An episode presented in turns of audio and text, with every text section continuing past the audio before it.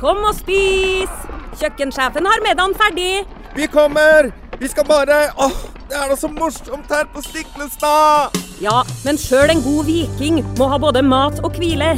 Og dessuten kan dere nå være noen dager. Velkommen til Scandic Stiklestad. Moderne fasiliteter i historiske omgivelser. Det var her det skjedde. Det er her det skjer.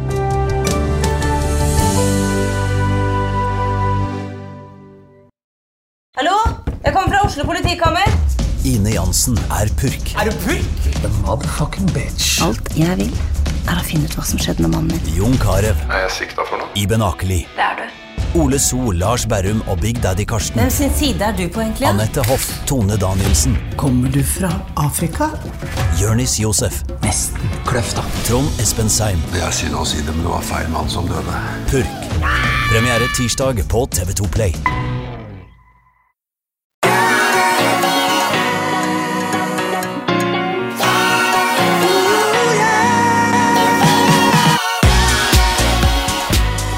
Velkommen til podkasten Hjernesterk.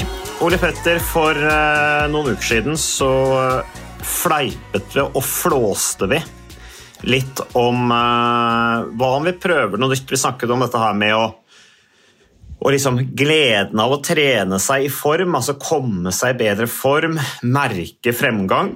Og i og med at både du og jeg er tidligere idrettsutøvere, så kom vi aldri opp på det nivået vi en gang var. Eh, og det kan vi jo velge å synes er deprimerende, eller vi kan prøve å tenke på alle gevinstene fysisk aktivitet har allikevel, selv om vi ikke får progresjon, men vi bremser nedbrytingen, for å si det litt enkelt, da. Eh, Og så fikk jeg da en melding bare noen dager etterpå at den eh, episoden kom ut.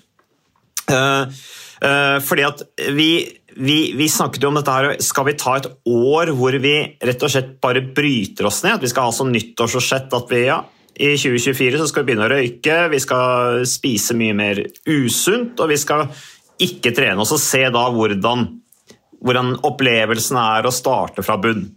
Og Det var da jeg fikk denne meldingen av eh, Gisle Johansen, som jeg kjenner fra en podkast som heter Motivasjonspreik.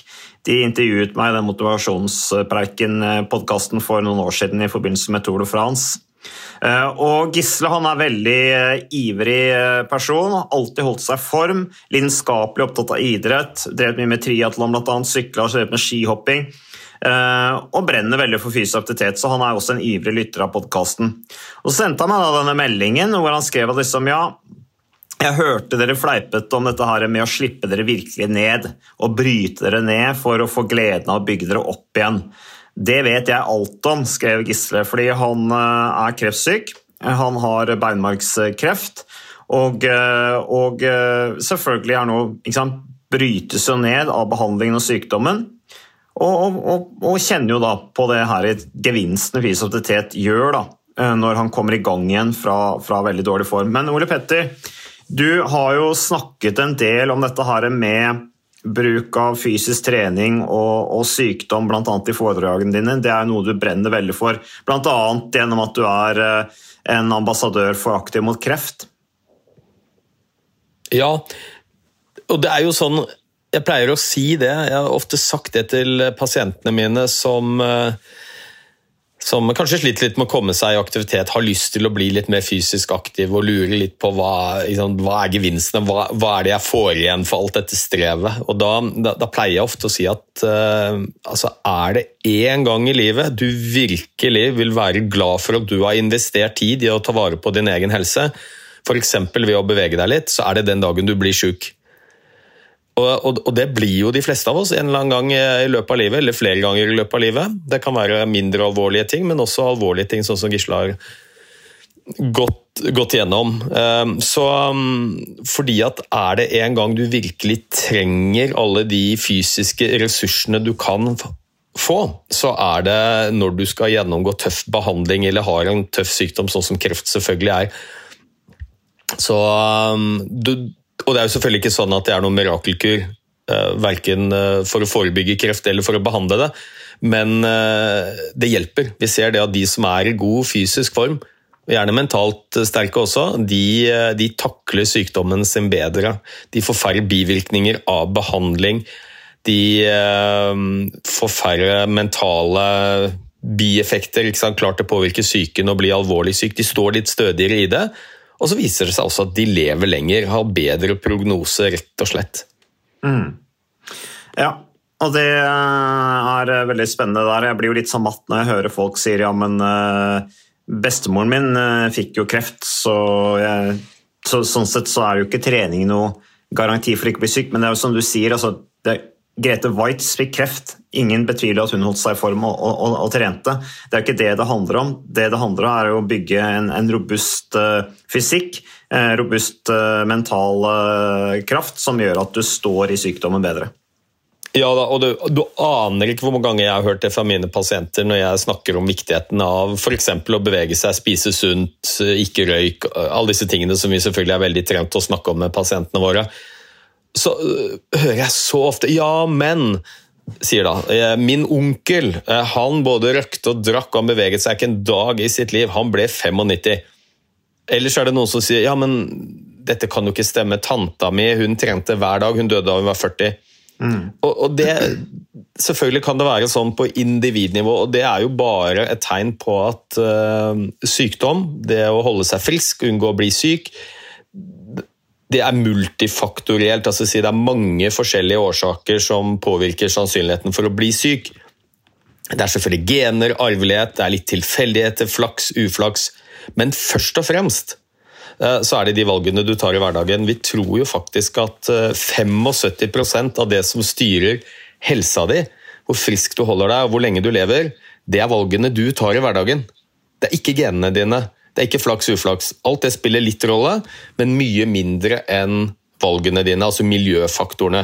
Eh, søvn, kosthold, sosiale relasjoner, trening, alt dette som vi vet en del om. Så det er du som er i førersetet, og ikke genene dine. Og så er det selvfølgelig sånn at det er ingen, ingen mirakelkur eller garanti. Du kan ta bare gode helsevalg gjennom et langt liv og allikevel bli frarøvet eh, et langt liv og leve til du blir 40-45. Få kreft. Grete Waitz er et godt eksempel på det. Eller du kan ta en rekke uheldige livsstilsvalg, eh, ikke bevege deg noe særlig, ha kroniske sykdommer og leve til du blir 90. Mm.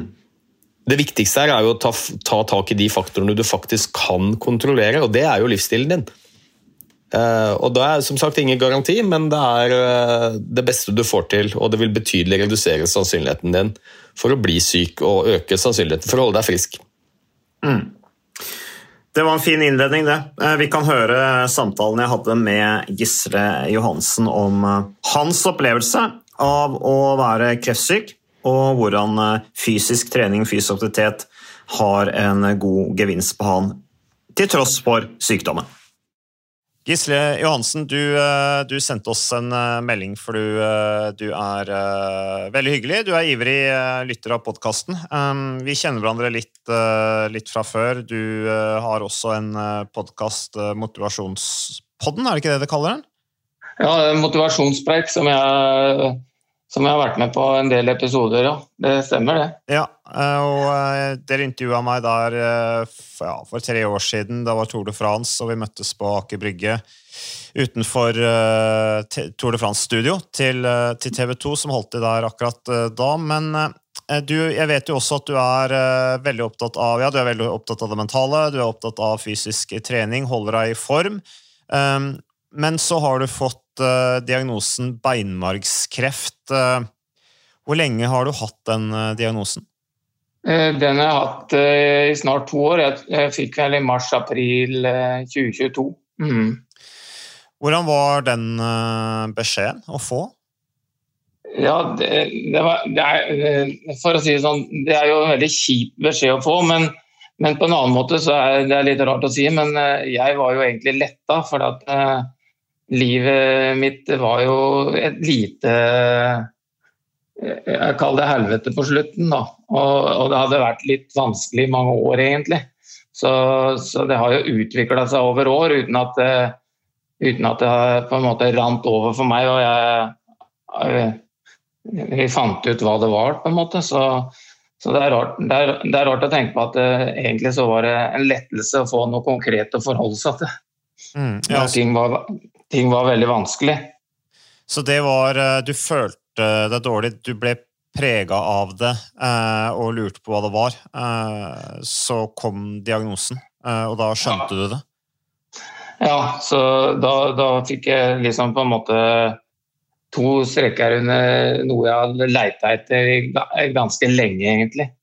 At det her, det her det kan ikke være sånn å være menneske. For, jeg, for meg så har det vært at jeg har hatt mye smerter, deprimert, angst, og jeg har utvikla jo enorm helseangst. Så, så det, var, det, var, det, var, liksom Ja, det, det, var, det var godt å få et svar og ha noe å forholde seg til, egentlig. Selv om det, det er ikke lett. Nei. Det er det ikke. Det kan jeg skjønne. Men du sier at du opparbeider deg helseangst. Uh, og det var da før du fikk diagnosen. Uh, Ja. I hvilken hvordan, hvordan, hvordan meldte den helseangsten seg? Hvordan, hva, hva, hvordan vil du beskrive den følelsen det ga? Den Nei, det var, det, ja, det var jo liksom på en måte at eh, jeg, jeg, kjente, jeg kjente og trodde og mente at det måtte være noe gærent i kroppen min, da.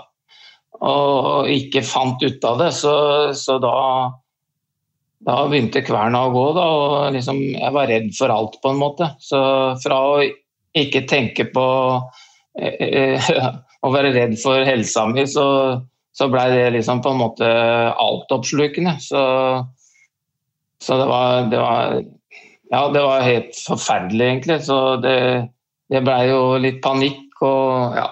Så, så det det Men, men til ja, tross Det begrensa mi, da. Ja, Mm. men til tross for, eh, for dette her med den eh, sykdommen som eh, kom i kroppen, og du Dette var jo da altså Jeg snakker nå om før diagnosen. Til tross for det så, så brukte du fremdeles fysisk trening som, som middel i hverdagen, gjorde du ikke det? Å ja, ja, jeg har trent mye, og jeg har til og med Jeg har jo ikke vært med på mange sånn Ironman, og jeg jeg jo med, har jo vært med til og med kjørt på Hawaii, og jeg kvalifiserte meg jo så seint som i 2019. Så, så det sier jo litt om hva kroppen er i stand til å gjøre til tross for eh, skavankene, da. Så men jeg har jo skjønt i ettertid at jeg har jo vært beinhard i huet, egentlig. Noe som ikke jeg trodde jeg var, men jeg skjønner at jeg har vært det. Tenker du at eh, det at du holdt deg eh, Du har jo tydeligvis hatt ikke sant, Det er som du sier, du har vært beinhard i huet. du har hatt eh, det, det er, For deg så er fysisk trening en vane, eh, og noe du aldri slipper på. Men eh, føler du at det, den fysiske treninga hjalp deg gjennom den tøffe perioden, eller, eller, eller var det liksom Ja, hva tenker du om det? Ja, det, eh, altså, for meg så har alltid idrett vært eh, ja, Jeg har alltid elska å drive med noe. Jeg har eh, gjort mye forskjellig. Da. Eh, I utgangspunktet var det skihopping som jeg begynte med som guttunge. Og så hadde jeg alltid en drøm om å, å sykle, ja, men så det var, det, var, det var like dyrt eh, når jeg var guttunge som de sier det er nå å drive med idrett, så, så det var vanskelig for foreldrene mine å kjøpe en racersykkel til meg i tillegg til hoppski og langrennsski og sånn. Så, så det var først når jeg begynte å jobbe sjøl og tjene penger at jeg kjøpte meg ra- racersykkel. Så, jeg sykla jo i mange år, så elska jeg å sykle. Og så, så liksom jeg har alltid drevet med idrett, liksom. Så jeg, um, det har vært livet mitt, og det er jo på en måte for meg en Det er jo det er, det er liksom litt meg, da, for å si det sånn. Så, så det har jeg aldri gitt slipp på, det kommer jeg aldri til å gi slipp på heller. Men så fikk du diagnosen eh, beinmargskreft, eh, og grunnen til at du tok kontakt med meg eh, nå nylig, det var fordi at du hadde hørt på en av de siste episodene våre hvor Ole Petter og jeg fleiper litt, egentlig, med det der Ja, at det, det, Hvordan er følelsen av å være i kjempe, kjempedårlig form, og så skulle bygge seg opp igjen? Og så sa jeg litt sånn på spøk at skal vi ikke ha som mål i 2024 at vi tar ett år hvor vi røyker og virkelig bryter oss ned, for å se hvordan det er å bygge seg opp igjen?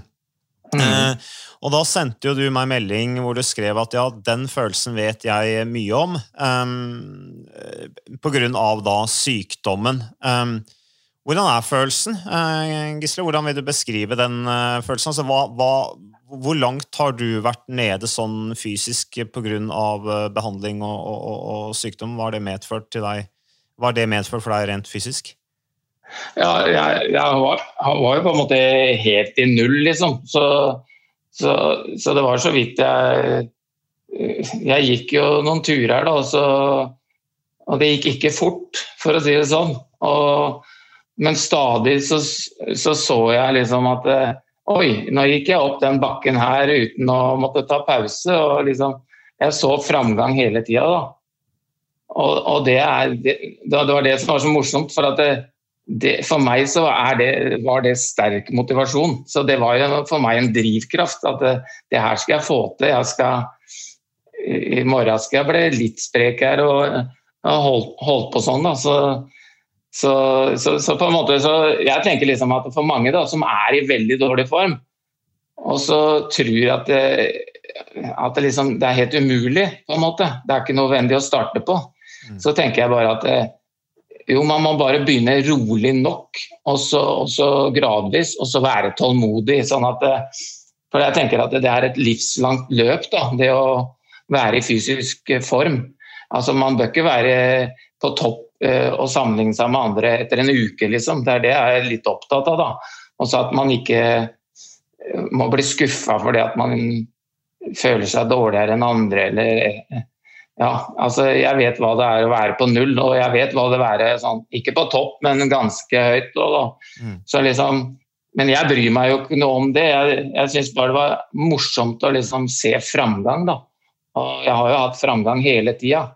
Mm. Så på, også på et visst punkt, da, som dere sa også, da, at det, nå er det vedlikehold. Altså, det når jo et nivå, men så tenker man kanskje nei, det er ikke nødvendig å holde på med, for jeg blir jo ikke noe bedre. Men, men jeg mener jo det at det, det er jo vedlikehold å holde seg der og så god form som mulig, da.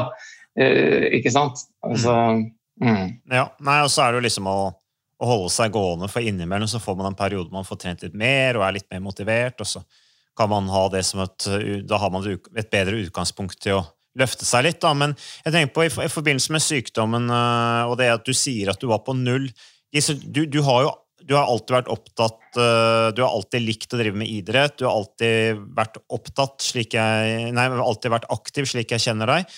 Um, og sånn sett så kommer jo du inn i sykdommen relativt sprek eh, mm. og robust, da, rent sånn fysisk. Eh, også mentalt, for du har jo denne metodikken oppi hodet ditt. Eh, denne her eh, hele tiden, å Sette deg disse små målene, som er liksom systematikken man har som, som idrettsutøver. Um, og, og, og, og, hvordan har, har, du fått noen tilbakemelding fra helsepersonell som har, som har behandlet deg, om Uh, om dette her at den fysiske formen kanskje har vært en fordel også, når du har kommet inn i sykdomsforløpet. Har du noen tanker eller hørt noe om det?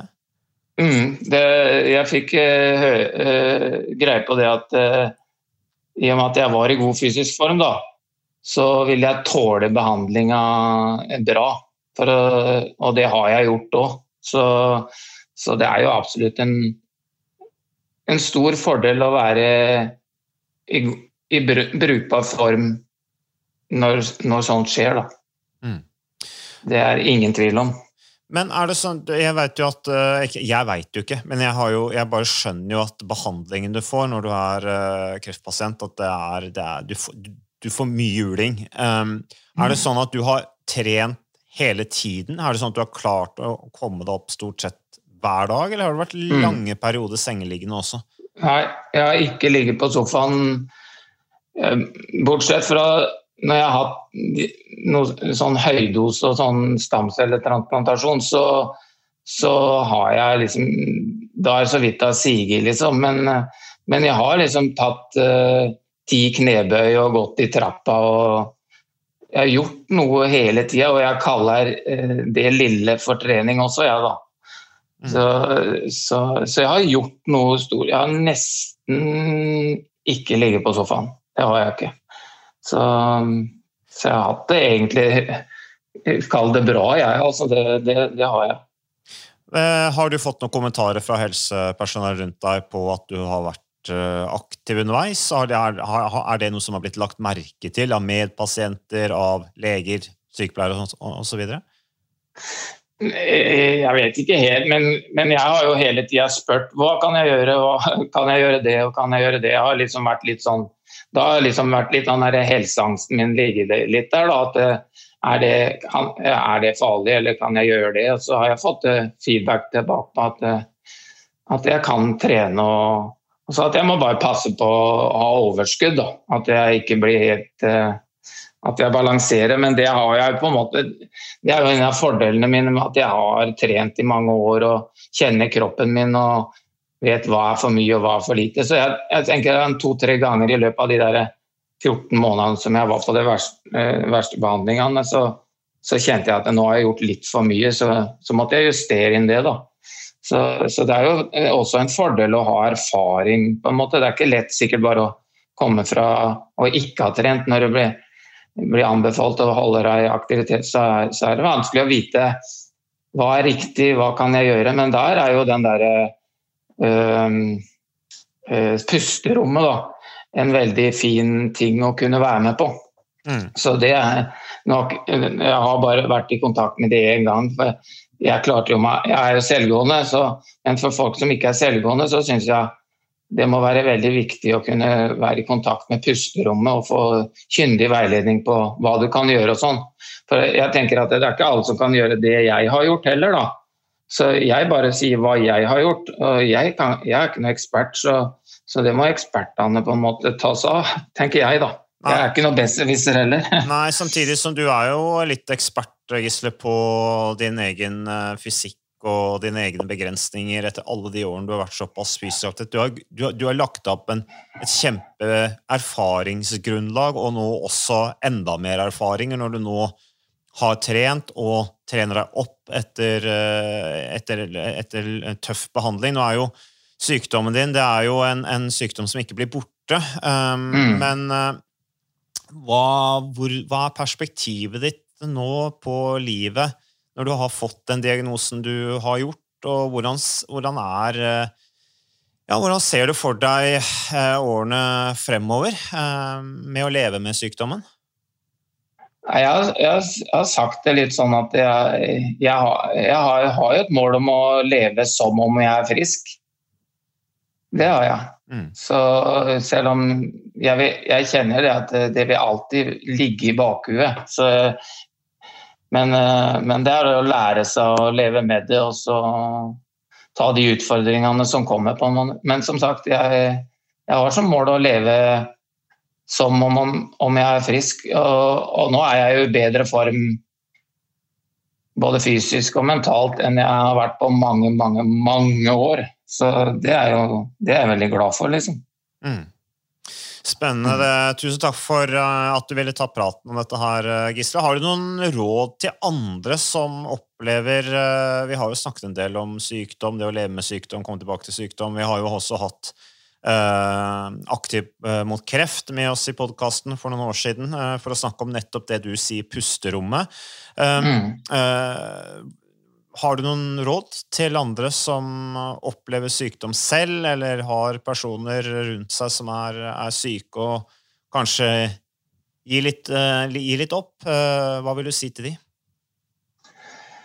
Nei, jeg tenker liksom at man må finne sin, sin måte å, å bearbeide liksom vanskelige ting. Da. Jeg har valgt å skrive ned følelsene mine. Jeg har skrevet hver eneste morgen så skrev jeg motiverende ord til meg sjøl. Så da, da, gjorde jeg jo en avtale med meg sjøl om at eh, det her skal jeg gjennomføre i dag, og det her skal jeg ha fokus på i dag. Så, så jeg liksom har holdt meg oppe på det. da.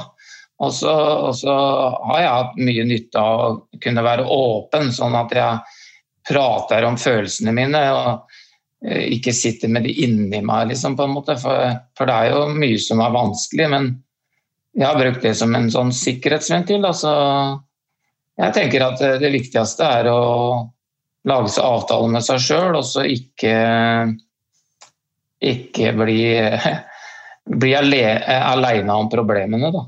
Søke, søke, hjelp, søke samtaler. Mm. Ukas annonsør det er HelloFresh. Og uh, hvis du nå går inn på hellofresh.no og bruker koden 'fresh hjerne', så kan du få opptil 1779 kroner rabatt på da de fem første matkassene dine hvis du ikke har prøvd Hello Fresh enda. Og Ole Petter, vi er jo glad i Hello Fresh i podkasten Jernsterk, selvfølgelig fordi at de er en annonsør. De er med og bidrar til å spre det glade ordet om fysisk aktivitet og god helse. Men i tillegg så har jo vi også nå lang erfaring med Hello Fresh selv. Så vi må jo si at det har vært gode erfaringer til nå. Ja, absolutt. Visste du Mats, at HelloFresh det er faktisk verdens ledende matkasseleverandør? og Tilbudene til HelloFresh gjør det enkelt å lage gode og varierte retter som skaper matglede.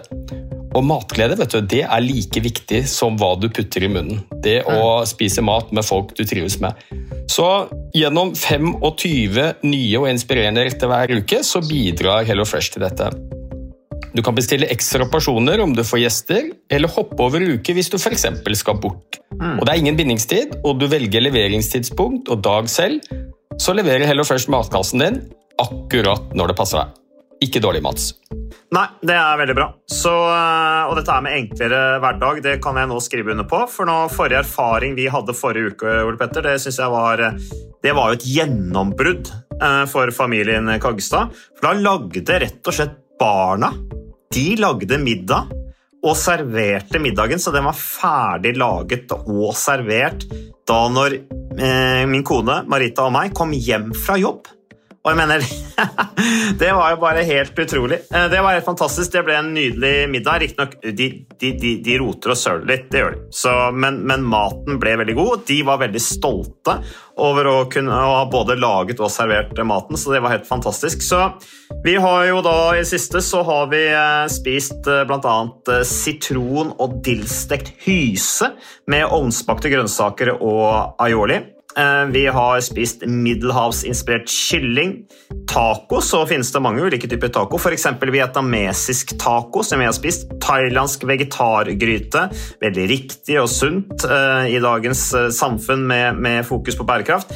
Hvitløk og chilistekte reker i spagetti, det var definitivt en vinner.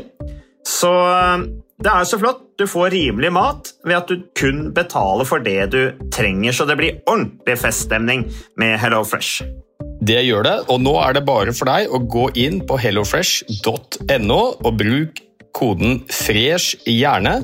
Da får du opptil 1779 kroner rabatt på de første fem matkassene dine hvis du ikke allerede har prøvd HelloFresh.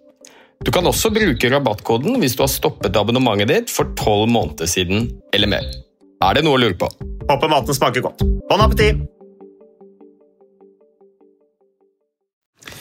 Ja, det var Gisle Johansen. Eh, flott fyr. Eh, utrolig positiv. Eh, masse livsglede. Takler utfordringer, tar det på strak arm.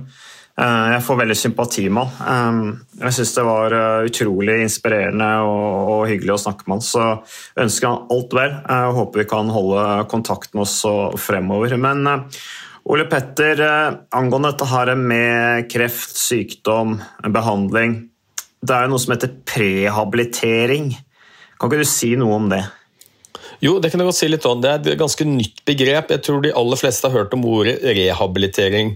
Det handler om å gjenvinne funksjon eh, etter, eh, etter, og helse etter sykdom. Du har hatt et lårhalsbrudd, og så skal du rehabiliteres, eller du har hatt et hjerteinfarkt, og så skal du gjenvinne funksjon etterpå. Og så er det kommet et ganske nytt begrep som vi kaller prehabilitering. Og, og det handler litt om eh, hva du gjør med helsa di når du har blitt syk, men kanskje før du begynner behandling. Og jeg kan ta noen eksempler på, på det. En tredjedel av nordmenn vil få en kreftdiagnose før de er 75 år. Og flere av oss vil få flere kreftdiagnoser i løpet av et liv. Så det er en veldig vanlig sykdom. Det er nest vanligste dødsårsaken i Norge. Og um, en ganske stor andel av de som får kreftsykdom, de vil jo være i relativt dårlig fysisk form når de får diagnosen sin. Rett og slett fordi majoriteten av nordmenn er i dårlig form fordi de beveger seg ganske lite. Og da er spørsmålet er det noe man kan gjøre for å forberede seg best mulig til en ganske tøff behandling. La meg ta et eksempel. Ofte så kommer jo pasientene til fastlegen sin med et eller annet symptom. La oss si at du kommer med at du har sett blod i avføringen din. Det kan være et tegn på kreft. Så kommer de til meg, og så undersøker jeg, og så henviser jeg dem til, eh, kanskje til sykehuset for en litt mer avansert undersøkelse, noe som heter koloskopi. Et sånt rør du stikker opp gjennom endetarmen for å finne ut om det er kreft eller ikke. Og Så tar man en biopsi, en celleprøve, og så viser det seg at det er tykktarmskreft. Og så får pasienten vite det. Det er jo jeg som får da fortelle pasienten om det. Mm. Og Det er selvfølgelig en utrolig tøff nyhet å få. Eh, og De aller fleste som får en sånn kreftdiagnose, de lurer på om er dette noe jeg kommer til å dø av. Kommer jeg til å overleve? Mm. Og så vil man selvfølgelig, Da henviser jeg pasienten inn i noe vi kaller pakkeforløp. Rett og slett et eh, organisert, strukturert løp på sykehuset hvor pasienten blir kalt inn. Eh, blir gjerne operert, kanskje får de tilleggsbehandling med strålebehandling, cellegift hvis det er nødvendig. Men det tar alltid litt tid. Eh, så typisk er jo at Når jeg henviser pasienten som har fått en kreftdiagnose, så er det kanskje tre uker til en operasjon. Mm. Og Det er lenge å vente. Og jeg tror jeg har nevnt det før, også Medisinsk sett så har det sannsynligvis ingenting å si. For prognose de tre ukene er relativt liten tid sammenlignet med hvor lenge denne svulsten har vokst. Så rent prognosemessig så spiller det liten rolle om du blir operert dagen etterpå eller om tre uker. Men det er litt ventetid. Det er tre uker. Eh, og så prøver jeg å fortelle pasientene mine at eh, det har ikke noe å si for prognosen om det er tre uker. Jeg skjønner det er tøft å vente. Og det pasientene ofte sier da, er jo at ja, det er jo helt tortur. Eh, de har jo fått en kreftdiagnose. De vet at det er en kreftsvulst som vokser i tarmen. Mm. Så En av mine pasienter sa det at tre uker for deg kan kanskje ikke virke så mye, doktor, men for meg det eneste jeg går og tenker på, er at hvert eneste sekund så er det en svulst inni tarmen min som vokser. Og jeg gjør ikke en dritt. Eller ingen gjør en dritt. Eh, så det man har eh, begynt med nå, det er jo at vi da kan på dag én, den dagen du får vite at du har en kreftsykdom, så kan vi henvise pasientene våre f.eks. til pusterom. 21 norske sykehus har pusterom, som er eh, treningsfasiliteter som er betalt for av Aktiv mot kreft, stiftelsen. Og det er instruktører som jobber der, som er gjerne fysioterapeuter eller sykepleiere eller personlige trenere, men med videreutdanning innenfor oppfølging av kreftsyke. Og det er fine, friske, nye lokaler, masse blide folk du møter. Så du henviser da pasientene dit, og så på dag én eller to så begynner de et treningsopplegg. Mm. Uh, og Det er ikke nødvendigvis å løpe eller sykle eller noe uh, store greier. Det kan være å spasere seg en tur. Pasientene møtes der hvor de er, da, sånn rent formmessig. Og så har de tre uker med ganske intens prehabilitering. De møter likesinnede, de blir fulgt opp det er, det er, lyse, fine lokaler som er, liksom, skiller seg veldig ut fra den sykdomsfølelsen du får når du går inn i et vanlig sykehus. Um, og Så blir de operert på, etter tre uker, og så får de eventuelt videre behandling. Og På Ahus så har de kjørt, og flere andre sykehus, bl.a. i USA, så har de kjørt et opplegg hvor de um, da har en gruppe pasienter som følges opp på denne måten. De får en alvorlig kreftdiagnose. Dagen etterpå så henvises til fysisk aktivitet, oppfølging av kosthold og forhold av søvn. Eh, og Så blir de operert på uke tre, og så følger man dem over mange år. Og Så har du en kontrollgruppe som ikke får denne treningen, men som bare blir henvist til kirurgi og strålebehandling og cellegift. Og Når man oppsummerer disse resultatene, så viser det seg jo at de pasientene som har blitt henvist og blir fulgt opp med fysisk aktivitet, kosthold, altså prehabilitering, de tåler behandlingen sin mye bedre. Det er ganske mange som må avblåse f.eks. cellegift, strålebehandling pga. bivirkninger. Ehm, det ser vi mye mindre grad hos de som eh, har trent i forkant. De står mer mentalt robust. Det er færre som sliter med nedstemthet, depresjon, som jo er ganske vanlig at følger i kjølvannet. Eh, og ikke minst så ser vi at de har 40-50% bedre overlevelse. Hm, det er imponerende. Ja, ikke sant? Også, altså, det aller beste er jo selvfølgelig at man er i fysisk aktivitet gjennom hele livet. Mm. Da vil du bl.a. halvere sannsynligheten for å få tykktarmskreft. Men majoriteten av nordmenn er inaktive. Eh, så om du da får en alvorlig sykdom og har vært inaktiv lenge, så betyr ikke det at løpet er kjørt. Eh, du kan begynne å trene da, og det gir en fenomenal gevinst. Og nå nevner jeg jo bare de gevinstene som har direkte med kreftsykdommen å gjøre. Men du vil jo bli i bedre fysisk form, du vil orke mer, sannsynligvis få mindre vondter, redusert risikoen for en haug med andre sykdommer også. Så, så, det som er litt fint nå, er jo at dette her har faktisk blitt en del av pakkeforløpet. nå. Altså, ved kreftbehandling i Norge nå, så er det sånn at uh, vi bør og anbefales å henvise pasientene til oppfølging på disse pusterommene. Mm. Litt av utfordringen er at det er mange fast, fastleger som ikke kjenner til disse pusterommene ennå. De, de, vet ikke at de finnes, og så skulle vi gjerne hatt enda flere pusterom. Mm. På alle sykehus. Ja, og det du nevner her, du, du, Jeg vet jo at du, du, tenker det samme som jeg sier her nå, men bare det mentale. altså Når du får en sånn diagnose, da vil jeg tro du blir ganske deprimert. Du får angst, bekymringer, alt dette her òg. Og der er jo også fysiaktivitet med og, og, lindrer. Og vi har også snakket litt om det i tidligere podkaster, dette her med eh, køene som er inne på behandlingsinstitusjoner innenfor psykiatrien også. At der også er det stort potensial i å starte sånn prehabilitering. At det forbereder pasientene på, på behandling, som f.eks. modent Bad, hvor fysisk aktivitet er en del av behandlingen. At de da kanskje begynner å trene litt fysisk før de kommer inn, sånn at de er i gang. Eh, og da får kanskje enda bedre utbytte av behandling når de først er der. og ikke minst etterpå. Etter behandlingen, for ja, ja. å hindre at de havner i køen igjen. Da. Så, så der er det et stort potensial. Og Dette er selvfølgelig ikke bare forbeholdt kreft, men det er det det er forsket mest på. Dette gjelder jo absolutt all type sykdom. Altså når du får en, alvorlig, en diagnose på en alvorlig sykdom, så er det jo mange typer behandling som kan være aktuell, men en av de tingene vi, jeg synes vi snakker for lite om, er viktigheten av å være i fysisk aktivitet. Altså, du får en enda større gevinst ved å bevege deg når du er sjuk. Mm. Uh, og, og, så har jeg lyst til å bare si én ting, og det um, Det var jo fleipete sagt eh, da vi sa at vi skulle la oss selv forfalle. Og det var jo snakk om motivasjon, at det er veldig motiverende å føle at du blir i bedre form. og det, det er vel en følelse vi kanskje ikke har kjent på så mye, du og jeg, som har vært uh, fysisk aktive i hele vårt liv og vært uh, idrettsutøvere. Så, um, og jeg har jo ikke noe lyst til å bagatellisere det, jeg er veldig glad for at jeg er i god form. Mm. og det er helt sikkert du også, så jeg har ikke noe ønske om å eh, forfalle helt. Så det er litt viktig å påpeke det at det var ikke noe mening å bagatellisere det å være alvorlig syk eller være i dårlig form, for det er ganske tøft. Ja. Men poenget var jo at hvis du har et litt dårlig utgangspunkt rent formmessig, om det skyldes sykdom eller inaktivitet eller alder, så vil du få relativt sett mye større gevinst enn det du og jeg ville få. Fordi du opplever hele tiden fremgang. Mm. Og Det tror jeg er et veldig viktig element i dette med prehabilitering også. Det er jo at uh, veldig mye av den behandlingen du får, f.eks. ved kreft, den er det ikke du som styrer. Du henvises til et sykehus, og så får du kirurgi, strålebehandling, cellegift. Uh, du er en passiv deltaker i behandlingen. Når du begynner å trene og bevege deg, så blir du din egen terapeut. Mm. Eh, og det føles så bra for pasienter. De føler at de gjør noe som er nyttig for seg sjøl. Det skaper masse mestring. Eh, og er det, en, dag, er det, en gang i livet du virkelig vil oppleve nytte av å oppleve god mestring, så er det jo også når du er sjuk. Mm. Ja.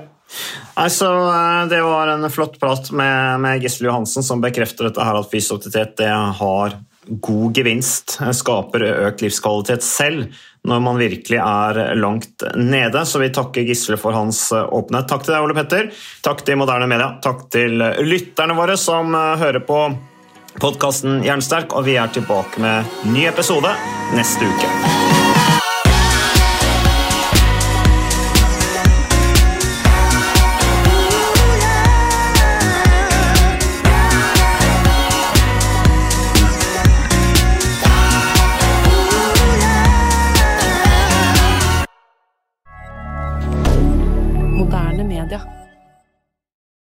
Har du et enkeltpersonforetak eller en liten bedrift? Da er du sikkert lei av å høre meg snakke om hvor enkelt det er med kvitteringer og bilag i fiken, så vi eh, gir oss her, vi. Fordi vi liker enkelt. Fiken superenkelt regnskap.